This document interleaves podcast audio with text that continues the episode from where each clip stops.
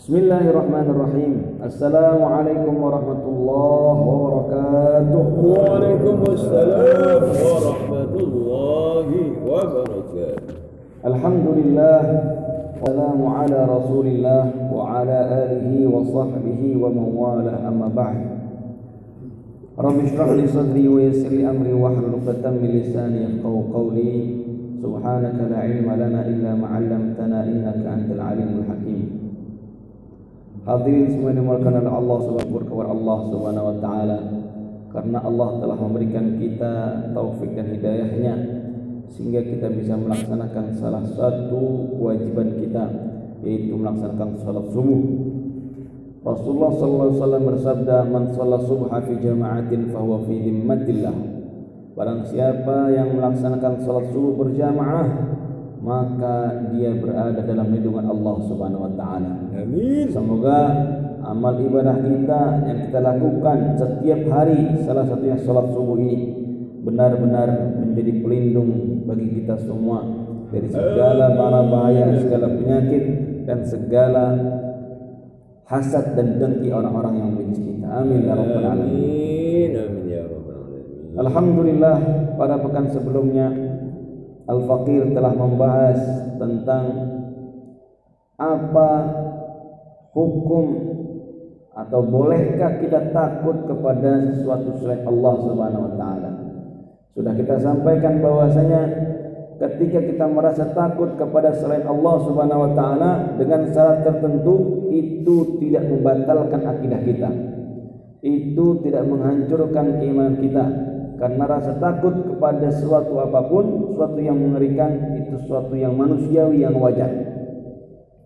Sudah kita sampaikan bahwasanya ternyata Nabi Musa pun takut ketika melihat ular yang bergerak-gerak. Fa'aujasa fi nafsi khifata Musa. Ketika Fir'aun melemparkan atau penyihir-penyihir Fir'aun melemparkan tali-talinya tongkat dan berubah menjadi ular. Yukhayyalu ilaihi min sihrihim. Sebenarnya tidak berubah jadi ular tetapi yukhayyalu dalam hayalan Nabi Musa akibat pengaruh sihir tersebut seakan-akan itu menjadi ular. Fa'aujasa fi nafsi khifata Musa. Maka dalam diri Musa terdetik rasa takut. Nabi Daud juga pernah takut Ketika orang-orang ada ada dua orang datang tiba-tiba ada di tempatnya di mihrabnya padahal mihrabnya terkunci. Fafazi'a minhum kata Al-Qur'an Nabi Daud merasa sangat takut dengan mereka. Nah, tetapi tidak ada yang mengatakan bahwasanya Nabi Daud atau Nabi Musa akidahnya gugur karena takut kepada selain Allah. Karena itu sifat manusiawi. Kemarin kita sampaikan syaratnya adalah yang pertama rasa takut itu tidak melebihi rasa takutnya kepada Allah Subhanahu wa taala. Yang kedua, rasa takut itu tidak boleh mendorong dia atau menjadi alasan untuk berbuat sesuatu yang haram atau meninggalkan sesuatu yang wajib. Ibadallah, sekarang subhanallah, qadarullah ternyata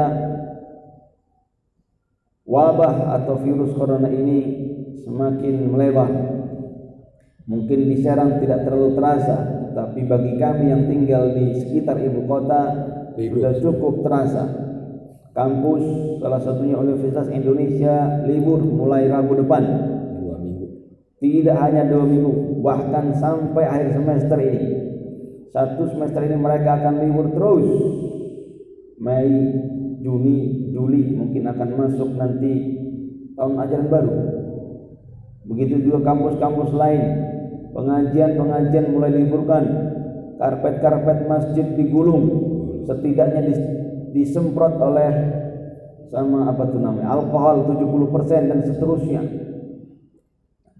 Sekali lagi kami katakan bahwasanya itu rasa itu tidak sama sekali menggugurkan akidah kita. Jadi jangan berlebihan menyikapi hal ini. Maka yang ingin disampaikan pada kesempatan kali ini jangan kaget seandainya qadarullah naudzubillah tetap kita berdoa semoga Allah Subhanahu wa taala menghilangkan virus itu dari negara kita dan dari dunia ini. Amin ya rabbal alamin. Tapi seandainya itu terjadi ada fikihnya.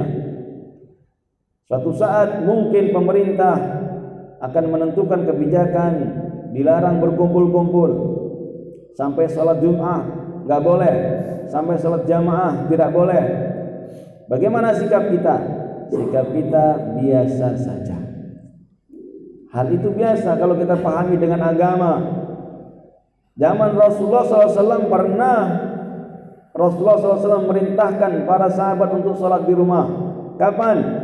ketika badai, hujan deras ketika, sehingga azannya berubah. Asyhadu an la ilaha Asyhadu an la ilaha illallah. Setelah itu asyhadu anna Muhammadar Rasulullah Setelah itu apa? Muazin bilang As-salatu fir rihal. As-salatu fir rihal. Dalam riwayat lain Allah sallu fi rihalikum. Artinya apa? Salatlah kalian di rumah-rumah kalian. Jadi kalau kita ngerti sirah nabawiyah, ngerti fikih, kita akan biasa saja. Kalau ada badai saja, ada hujan deras saja, Rasulullah SAW memerintahkan kita untuk sholat di rumah, apalagi ada virus mematikan. Dan sekarang itu diterapkan di negara Kuwait sudah melakukan itu. Awal-awal orang ribut, wow ini bid'ah segala macam macam kayak gini dari mana, berubah-ubah bid'ah itu yang bilang bid'ah itu karena nggak ngerti tapi kalau sudah ngerti fikihnya oh memang ada. Hadisnya banyak. Hadis Bukhari Muslim Bukhari Muslim rata-rata yang menceritakan itu. Redaksinya bisa ala sallu fi rihalikum alla sallu fi rihal as-salatu fi ada yang mengatakan sallu fi buyutikum atau as-salatu fil buyut. Kapan? Setelah membaca asyhadu anna muhammad rasulullah itu pengganti daripada hayya 'ala salah. Jadi hayya 'ala salah diganti dengan redaksi itu. Maka nanti biasa saja. Jangan rusuh, jangan ribut, wah pemerintah melarang salat jamaah. Bukan itu untuk kewajiban kita. Dalam sebuah hadis dikatakan dari Asim diriwayatkan dari Al Hasan Rasulullah SAW bersabda arba'atun ila sultan ada empat perkara yang urusan diserahkan kepada sultan kepada pemerintah kepada penguasa yang pertama masalah koordinasi masalah salat as-salatu waz zakatu wal hududu wal qisas. Ada empat. Salat zakat itu diatur sama pemerintah gimana? Bukan salat lima waktu sendiri-sendiri bukan. Maksudnya semacam salat Jumat. Salat berjamaah itu ada kaitannya dengan pemerintah.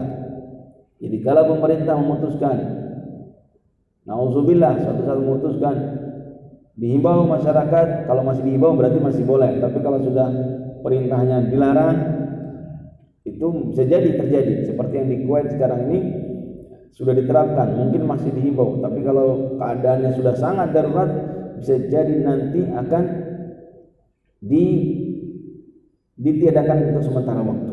Nah begitu. Maka biasa saja ya. salat zakat hudud dan qisas Hudud itu artinya hukuman-hukuman yang ditentukan oleh Allah Subhanahu wa taala, dosa-dosa yang hukuman ditentukan oleh Subhanahu wa taala seperti potong tangan, rajam dan cambuk dan sebagainya itu hudud. Qisas artinya nyawa dibayar nyawa, telinga dibayar telinga dan seterusnya. Nah, itu dilakukan oleh pemerintah, tidak bisa dilakukan oleh individu-individu. Itu terkait salat berjamaah. Bagaimana terkait hal yang lain. Ada juga sekarang orang mulai sholat pakai masker, ribut masyarakat. Di sini nggak ada. Di Jakarta banyak yang menjawab nanya, Ustaz, memang boleh sholat pakai masker? Bukannya Rasulullah melarang? Iya, Rasulullah SAW melarang. Karena dia cuma baca hadisnya doang. Nah Rasulullah SAW, Rasulullah SAW melarang ayyughadiyar rajulu wajahu inda salat.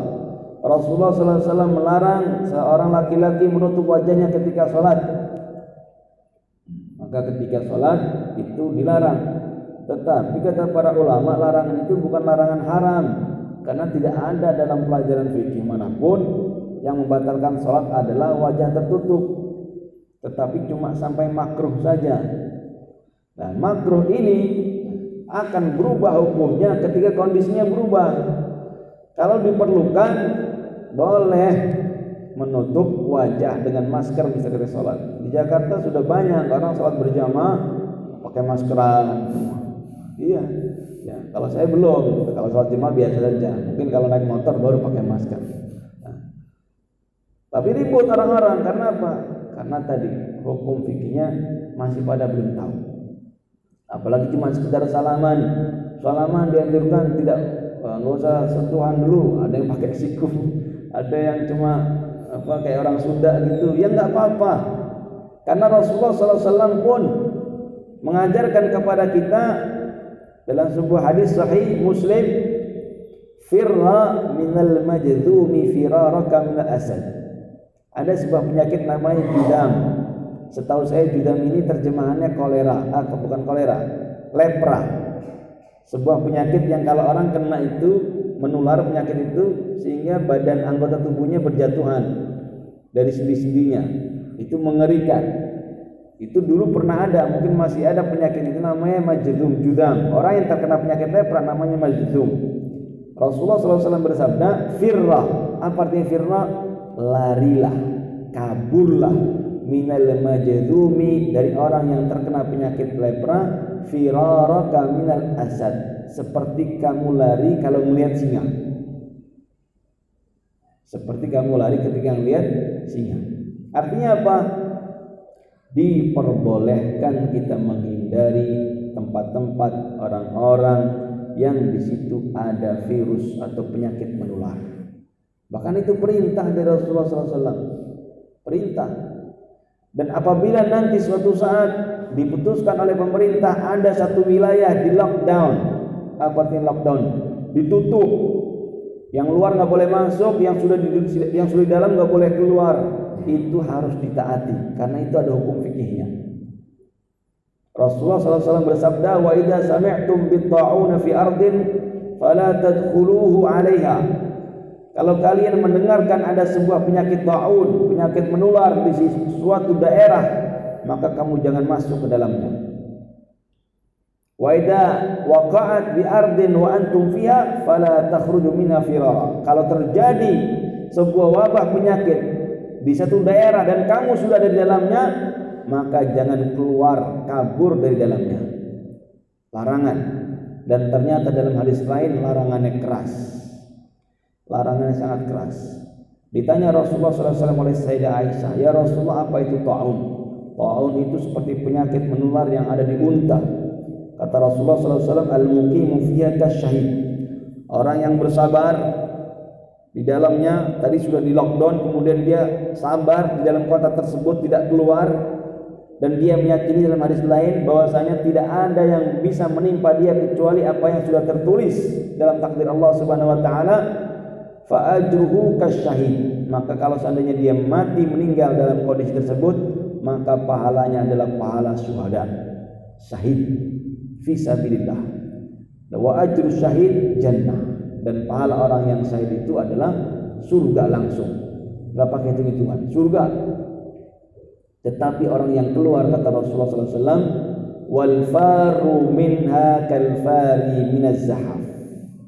Yang keluar, yang kabur sudah di lockdown, ditentukan itu tidak boleh keluar di situ dari daerah tersebut karena daerah tersebut sudah terkena penyakit.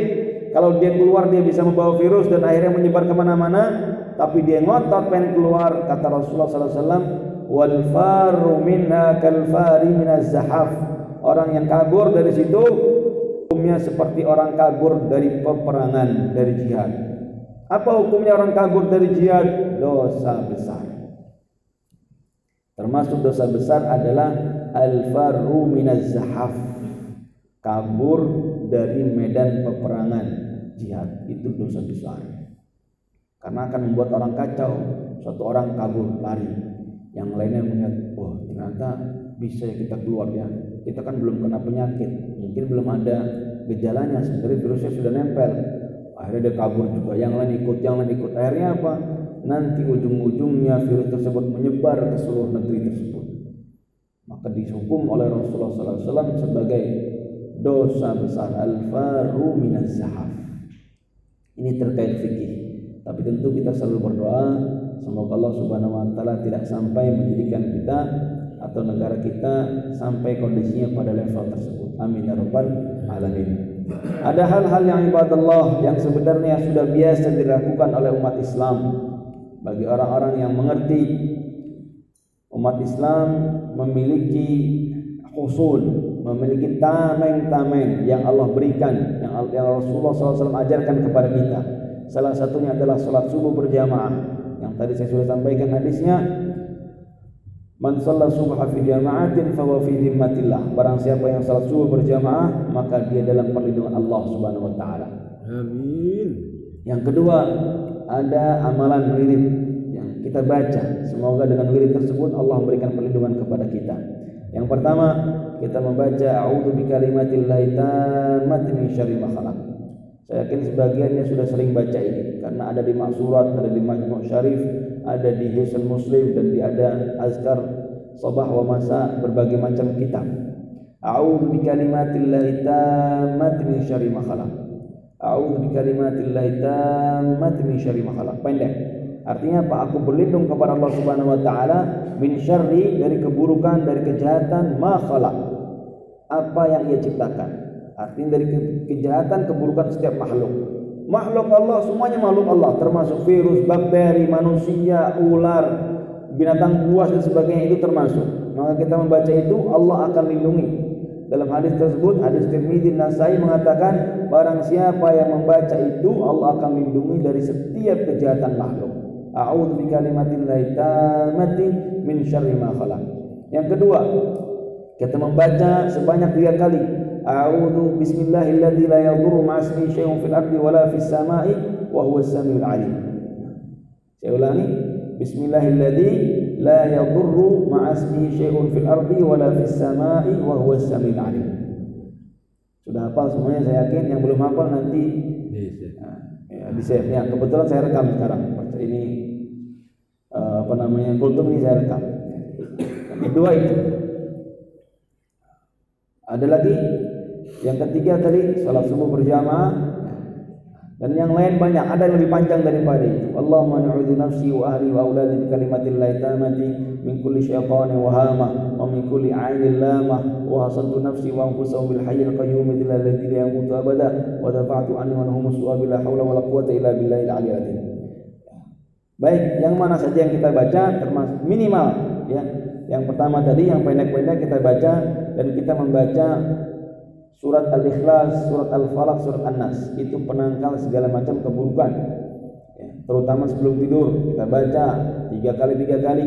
Rasulullah SAW mengajarkan sebelum tidur kita membaca Al-Ikhlas satu, membaca Al-Falaq, membaca An-Nas. Tangan kita kita tiupkan, kita usapkan ke dalam seluruh tubuh satu dan kita ulangi selama tiga kali. Membaca ayat kursi, membaca surat Al-Fatihah dan seterusnya membaca doa-doa sebelum tidur. Itu amalan-amalan yang Allah dan Rasul mengajarkan kepada kita untuk melindungi diri kita masing-masing dari setiap keburukan, dari setiap kejahatan makhluknya. Wallahu a'lam bishawab. Semoga Allah Subhanahu wa taala menjadikan negara kita negara yang aman, yang terlindungi dan kita semua keluarga kita terlindungi dari berbagai macam penyakit dan virus dan mara bahaya. على هذه النية وعلى كل صالحة. إلى حضرة النبي المصطفى رسول الله صلى الله عليه وسلم. الفاتحة. أعوذ بالله من الشيطان الرجيم. بسم الله الرحمن الرحيم. الحمد لله رب العالمين. الرحمن الرحيم. مالك يوم الدين. إياك نعبد وإياك نستعين. اهدنا الصراط المستقيم. صراط الذين أنعمت عليهم غير المغضوب عليهم ولا الضالين. آمين آمين يا رب العالمين الحمد لله رب العالمين. اللهم لك الحمد وإليك المشتكى وأنت المستعان ولك التكلان ولا حول ولا قوة إلا بالله العلي العظيم. اللهم صل أفضل الصلاة والتسليم على حبيبنا وشفيعنا ومولانا محمد وعلى آله وصحبه أجمعين. اللهم لك الحمد يا معبود حمدا يوافي نعمه وكافي مزيدا اللهم أعز الإسلام والمسلمين وأصلح ولاة المسلمين. وألف بين قلوبهم وأصلح ذات بينهم. وانصرهم على عدوك وعدوهم اللهم عليك بأعداء الإسلام فإنهم لا يعجزونك اللهم يا رب العالمين يا أرحم الراحمين ارحمنا فأنت أرحم. بعبادك منا يا أرحم الراحمين. ارحم أمة سيدنا محمد ارحم أمة سيدنا محمد. اللهم ادفع عنا البلاء والغلاء والفحشاء والمنكر. اللهم ادفع عنا البلاء والوباء والغلاء والفحشاء والمنكر. والمحن والفتن ما ظهر وما دنا هذا وعن مدينتنا هذه وعن سائر بلدان المسلمين يا أرحم الراحمين. اللهم اكشف عنا البلاء والوباء ما لا يكشفهما غيره. اللهم اكشف عنا البلاء والوباء ما لا يكشفهما غيره. وأنقذنا من آفة الدنيا وعذاب الآخرة. سلمنا من آفة الدنيا وعذاب الآخرة. اللهم إننا نسألك السلامة والعافية والمعافاة الدائمة في الدين والدنيا والآخرة. يا ربنا بجاه نبينا محمد صلى الله عليه وسلم يا ربنا بجاه الصالحين يا ربنا بجاه الشهداء يا أرحم الراحمين. ربنا آتنا في الدنيا حسنة وفي الآخرة حسنة وقنا عذاب النار. وصلى الله على سيدنا محمد النبي الأمي وعلى آله وصحبه أجمعين. سبحان ربك رب العزة عما يصفون وسلام على المرسلين والحمد لله رب العالمين. صلى الله